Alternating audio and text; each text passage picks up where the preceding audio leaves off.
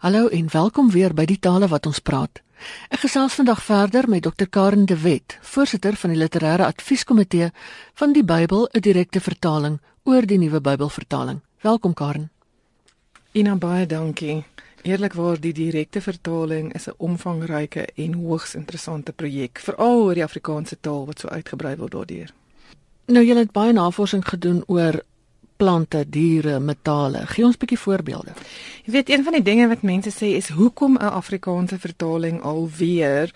Nou afgesien ons het laasweek daaroor gepraat, die ehm um, vertaalteorie wat vir 'n ander uh, ander vertaalteorie wat gekies is, naamlik die direkte vertaling en afgesien van die ontwikkeling wat in taal van Afrikaans plaasgevind het, is daar ook geweldig navorsing gedoen in ehm um, en het na vore gekom in betreffende die name van plante en diere en edelstene en mate en gewigte in die oorspronklike Hebreëse en Griekse tekste.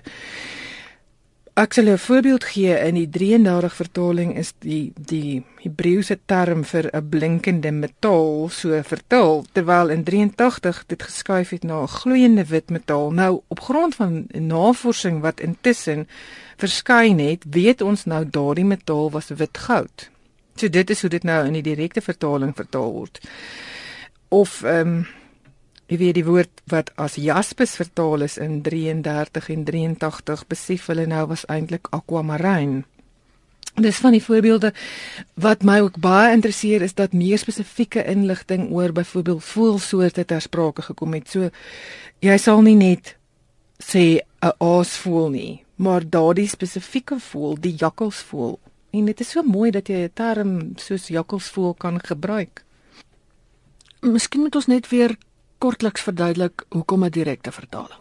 Um die vertaalteorie wat ons aanhang by 'n direkte vertaling sê dat ja so na as moontlik bronteks georiënteer vertaal en dat in plaas van om 'n soort interpretasie of 'n dinamiese ekwivalent te soek vir die teks wat gegee word jy eintlik probeer om die direkte woorde te sê. Um 'n analogie sou wees in plaas van om te sê die dominee het gesê julle moet luister sal jy sê. Die dominee het gesê luister wees gehoorsaam En so jy kan 'n analogie tref tussen direkte rede in Afrikaans en 'n direkte vertaling. En met die nuwe navorsing en hierdie wyse van vertaling het jy op verskeie wonderlike voorbeelde afgekom soos onder meer die springkaan. Ja, dis interessant want daar's nou meer as een ding ter sprake. Daar's 'n navorsing gedoen oor die spesifieke diere of die insek, die springkaan dan nou en die stadia daarvan, maar daar's ook dan die direkte vertaling en die verskil tussen hoe om dit direk te vertaal en dit dinamies te vertaal. Ek wil jou graag 'n voorbeeld gee in Joel 4 waar dit hulle dit het oor die springkane. In 53 is hierdie vertaling gelui, die 1953 vertaling, wat die afknyper laat oorbly het, het die strek springkaan verslind. Nou daar's redes uit die Hebreëus waarom daai term afknyper gebruik is. In 83 wat dinamies ekwivalent was, het hulle dit heeltemal wegvertaal en gesê wat nie deur die eerste springkaan swerm opgevreet word nie, word deur 'n volgende opgevreet en dan deur 'n derde en deur 'n vierde. Terwyl ons nou in staat was om um, net om jou 'n uh, uh, aanduiding te gee, die New Revised Standard Version van 1989 praat van the cutting locust the swarming locust, the hopping locust and the, the destroying locust. Nou dit is nou wonderlik vertaal in die direkte vertaling wat sê Joel 4 vers 4 wat die ruspus laat oorbly het, hierdie trekspringkane opgevreet. Wat die trekspringkane laat oorbly het, het die voetgangerspringkane opgevreet en wat die voetgangers laat oorbly het, het die kaalvreterspringkane opgevreet. So die stadia van daai insek soos wat die oorspronklike teks dit aangedui het is nou met die korrekte Afrikaanse term vertaal. En dan in sommige gevalle kom transliterasie ook ter sprake. Verduidelik vir ons bietjie eers wat is transliterasie en hoe het dit 'n neerslag gevind? Ja, en nou dis baie interessante ding. Jy mens kan natuurlik um, boeke vol skryf oor transliterasie en die probleme daarvan. Letterlik gaan dit daaroor dat die weergawe van tekens uit een taal um in 'n ander teken vir teken vertaal word. Met ander woorde, dis 'n klankvertaling. Jy weet nie wat hierdie woord beteken nie, so jy kan nie die betekenis of die naam van die woord vertaal nie, so jy vertaal dit letter vir letter. 'n Voorbeeld is die hisoptakkie. As ons kyk na Psalm 51 vers 9 in 1953 is dit vertaal ontsondig my met hisop dat ek kan rein wees 'n bekende vers wat dan sê was my dat ek witter kan wees as sneeu. In 83 wat die dinamies ekwivalente vertaalteorie gevolg het, het hulle gesê neem tog my sonde weg dat ek rein kan wees. So jy kan hoor daai onsondig my is so vertaal met neem dit weg, maar die hierop het heeltemal weggeval. En rede daarvoor was waarskynlik omdat die hierop nie 'n bekende plantsoort is nie. Nou die navorsing het nou aangedui dat ehm um, Hierdie hierop tokkie was waarskynlik Marjolyn. So daar is nou 'n voetnoot in die direkte vertaling by Psalm 51 vers 9 wat sê Marjolyn is 'n bossie wat teen mure groei en waarmee reinigingswater gesprinkel is. Hmm.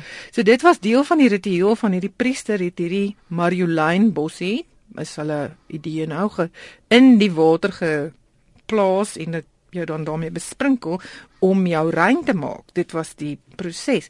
Nou dis natuurlik ook deel van die eksotiserende vertaling om daardie soort van proses duideliker te maak. So dit lees nou vir my so mooi. Psalm 51 vers 9 in die direkte vertaling wat sê neem my sonde weg met Marjolyn sodat ek rein kan wees. Was my dan sal ek witter as sneeu wees. Ja, dis baie mooier. Hmm. Het jy met ander woorde die poesie in die Bybel ingeskryf? Weet jy nee, beslis nie. Um as jy na die Griekse tekste in die geval van byvoorbeeld Openbaring of Romeine of Handelinge gaan kyk, dan sal jy sien dat daar um dit reeds geset is met indentering. So ook um by die Hebreë van die Hebreëse tekste in die Byblie Hebraika.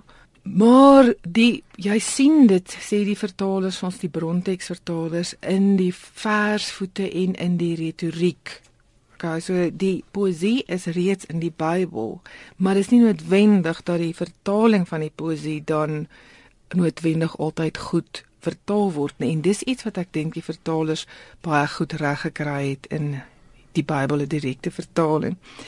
Um ons kan 'n voorbeeld vat uit Openbaring 18.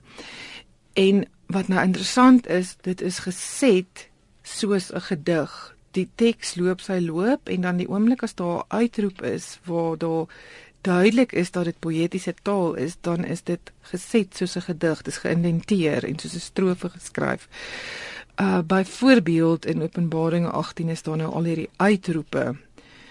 Um in vers 10 staan nou byvoorbeeld hulle sal uit vrees vir haar foltering, dit is nou die stad Babylon wat ehm um, gefolter gaan word op 'n afstand staan en sê elende elende groot stad Babylon magtige stad binne 'n oomblik het jou oordeel aangebreek. Dan tel dit op in vers 16 wat sê terwyl hulle sê elende elende die groot stad uitgedos in fyn linne klere purperrooi en helderrooi en opgesmuk met goud en edelstene en parels want binne 'n oomblik is soveel rykdom uitgewis en dit tel weer op in vers 19 terwyl hulle huil en rou en sê elende elende die groot stad deur wie se skatte almal wat skepe op see besit ryk geword het want binne 'n oomblik is hy uitgewis. En dan is daar natuurlik die keerkant waar dit nie net die uitroepe is oor die val van die stad nie, maar die gejubel um, wat gehoor word in sinema Openbaring 19 wat die opskrif hier het haleluja in die hemel. En daar staan hierna het ek 'n harde klank gehoor soos 'n groot skare wat in die hemel jubel. Haleluja! Die verlossing, die heerlikheid en die krag behoort aan ons God. Waar en regverdig is sy oordeele, want hy het die groot prostituut veroordeel. En dan gaan dit so aan vers 3 sê dan 'n tweede keer het hulle uitgeroep: Halleluja, haar rook styg op vir ewig en ewig. En vers 4 kom hy hoof hoogtepunt dan. Die 24 ouderlinge en die lewende wesens het neergeval en God wat op die troon sit aanbid en gesê: Amen, halleluja. So die dis moeilik om dit te hoor.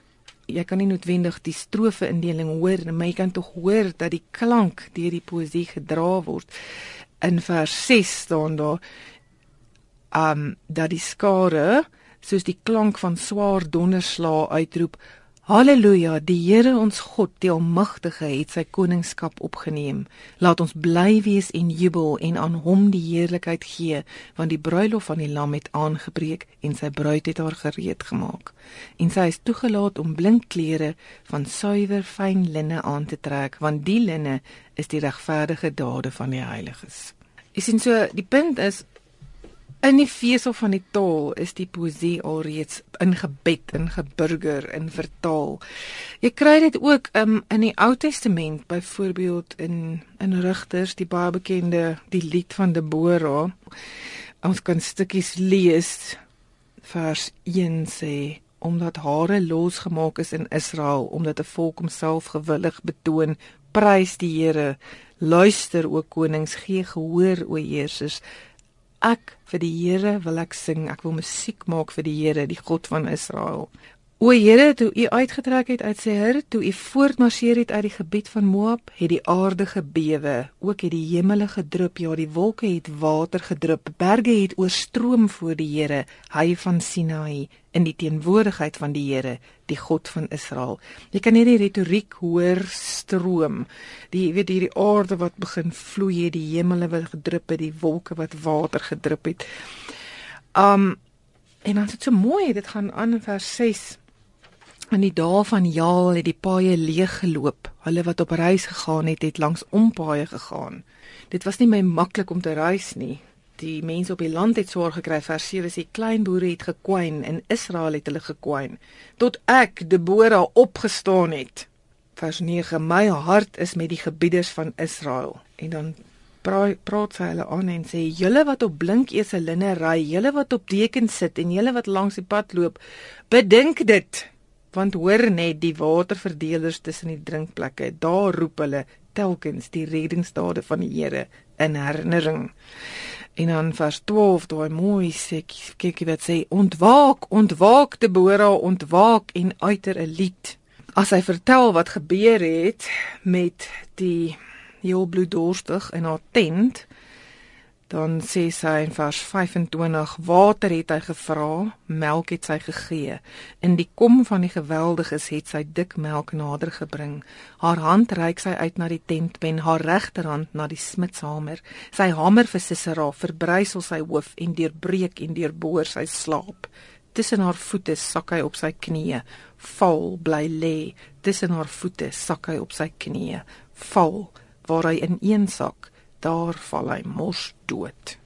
'n Baie bloeddorstige toneel wat vreeslik mooi geskryf is. Inderdaad, dit was nie ehm um, maklike mense om mee in ongunst te val nie. en dan is daar natuurlik die psalms. Lees 'n bietjie Karen? Ek wonder of ons Psalm 23 sal lees. Ja. Dit is nou baie ingeburger en hy het nie baie verander nie, so miskien sal dit aftrek kry. Die Here is my herder, ek ly nie gebrek nie. In groen weivelde laat hy my rus na water waar daar rusplek is, lei hy my. Hy gee my nuwe lewenskrag, hy lei my op die regte paaie ter wille van sy naam. Selfs as ek in die donkerste kloof ingaan, is ek nie bang vir gevaar nie, want U is by my. Dit is U staf en U stok wat my gerus stel. U dek vir my 'n tafel voor die oë van my teenstanders. U verfris my kop met olyfolie. My beker loop oor. Net goedheid en troue liefde sal my volg al die dae van my lewe en ek sal bly terugkeer na die huis van die Here tot in lengte van dae. Nou my oog val nou hier op, um, daar is 'n voetnoot ook hierdie ek sal bly terugkeer na die huis van die Here. Ons is tog gewoond um, aan die term wat sê ek sal bly woon in die huis van die Here. Nou interessant genoeg die bronteks het die term vir terugkeer die woon waarna ons gewoond is, is die term wat in die Septuagint gebruik is. Verduidelik net die Septuagint? Ja, sien die Septuagint is 'n vertaling 'n baie vroeë vertaling uit die Hebreëse geskrifte. 70 Joodse geleerdes het dit gedoen, dis waar die Septuagint sy naam vandaan kry. Um So dis 'n Griekse vertaling van die Hebreëse teks en daar in die Septuagint het hulle die woord vir woon gebruik. Wat nou net 'n bevestiging is dat in hierdie direkte vertaling ons uit die brontekste uitwerk en nie uit ander vertalings nie. Selfs nie 'n vroeë Griekse vertaling in die tweede min min, min of meer die tweede eeu na Christus nie. Ina, as ek nog met jou kan praat oor die poëtiese, daar is byvoorbeeld in Psalm 136 vir my baie mooi voorbeeld van hoe 'n teks uit die antieke tyd wat waarskynlik gesing is met 'n keerreël pragtig vertaal is.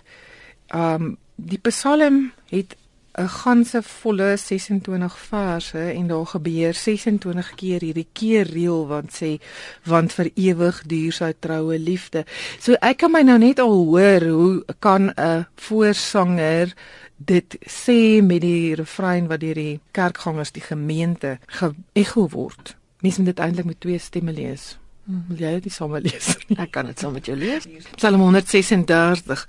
Loof die Here want hy is goed want vir ewig duur sy troue liefde. Loof die God van die gode, want vir ewig duur sy troue liefde. Loof die Here van die Here, want vir ewig duur sy troue liefde. Loof hom, die enigste wat groot wonders doen, want vir ewig duur sy troue liefde. Wat met vernuf die hemel gemaak het, want vir ewig duur sy troue liefde. Wat die aarde oor die waters uitgespan het, want vir ewig duur sy troue liefde. Wat die groot ligte gemaak het, want vir ewig duur sy troue liefde. Die son om te heers in die dag, want vir ewig duur sy troue liefde. Die maan en sterre om te heers in die nag, want vir ewig duur sy troue liefde.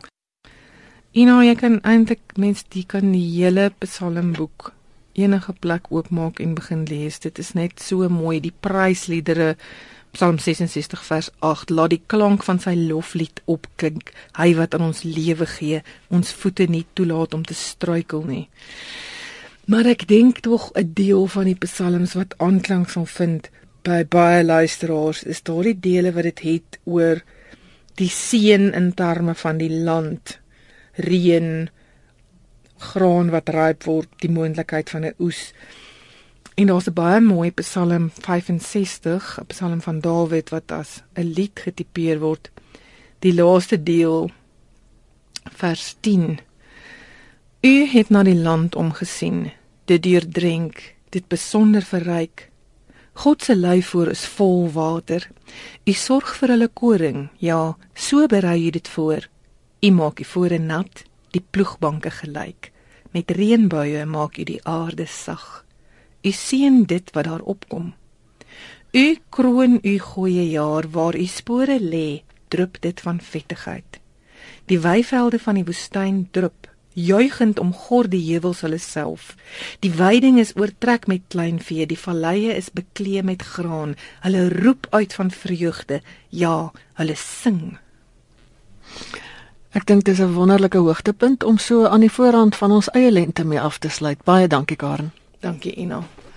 Dit was dokter Karen de Wet van die Departement Afrikaans aan Universiteit van Johannesburg. Maar sy was vandag weer hier in haar hoedanigheid as voorsitter van die literêre advieskomitee van die Bybel 'n direkte vertaling. Nou jy kan meer inligting kry oor die vertaalopdrag en wat 'n direkte vertaling is op die webwerf bybeldirektevertaling.co.za. Jy kan ook die proefvertalings daar vind en jou kommentaar lewer. Ek gee weer die adres: bybeldirektevertaling.co.za. Nou ja, daarmee het ons ook aan die einde van vandag se program gekom. Jy kan donderdagoggend 3 uur na herhaling van die program luister in deernag of jy kan op die webwerf na potgooi luister by rsg.co.za. Laat hoor gerus van jou deur vir my e-pos te stuur na strydomjj@sabc.co.za. daarmee van my Ina Strydom groete tot 'n volgende keer.